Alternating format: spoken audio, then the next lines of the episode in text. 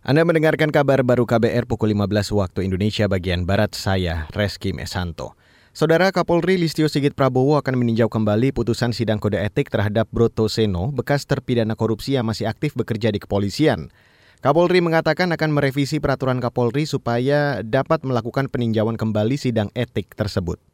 Salah satunya di dalam perubahan perkap tersebut kami jadikan satu menjadi peraturan kepolisian kami menambahkan klausa mekanisme peninjauan kembali terhadap putusan-putusan yang telah dikeluarkan oleh sidang Komisi Judicial. Etik dan tentunya keputusan-keputusan tersebut kemudian terdapat kekeliruan atau terdapat hal-hal lain yang memang perlu kami ubah dan posisi Kapolri Listio Sigit Prabowo menambahkan saat ini peraturan kepolisian sedang diproses di Kementerian Hukum dan HAM. Diharapkan dalam waktu dekat aturan itu bisa disahkan sehingga Kapolri dapat menunjuk komisi baru guna meninjau putusan etik Brotoseno. Sebelumnya, Brotoseno kembali aktif di Polri setelah menjalani masa pemidanaan lima tahun karena terlibat praktik korupsi. Ia dinyatakan bebas bersyarat dua tahun lalu. Sementara itu, saudara tim penyidik Komisi Pemberantasan Korupsi atau KPK menyita dokumen dan catatan khusus milik bekas Wali Kota Yogyakarta Haryadi Sujuti tersangka korupsi izin mendirikan bangunan apartemen di Yogyakarta. Juru bicara KPK Livikri mengatakan penyitaan dokumen tersebut didapatkan dari tiga lokasi.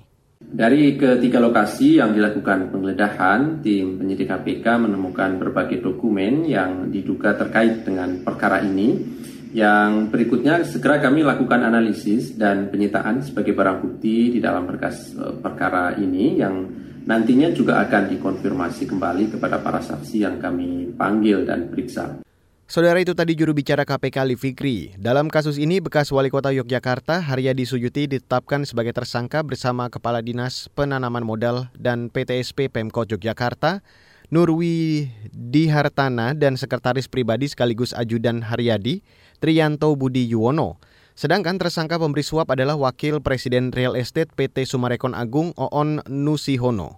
Saudara, pembangunan ibu kota negara atau IKN Nusantara diperkirakan mampu menyerap 200 hingga 250 ribu tenaga kerja. Wali Kota Balikpapan Rahmat Masud mengatakan akan berkoordinasi dengan Badan Otorita IKN supaya warga lokal bisa dilibatkan sebagai pekerja di proyek pembangunan IKN.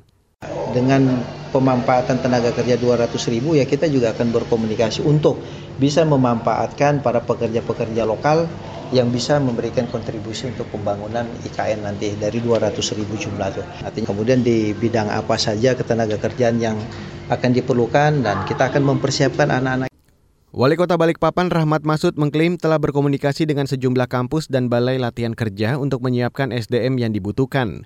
Pemkot Balikpapan juga akan mengalokasikan anggaran di APBD Perubahan 2022 untuk melaksanakan pelatihan peningkatan keterampilan SDM warga. Rahmat juga berharap pengusaha dan kontraktor lokal Balikpapan agar juga dilibatkan dalam proyek pembangunan ibu kota negara. Dan saudara, demikian kabar baru saya Reski Mesanto.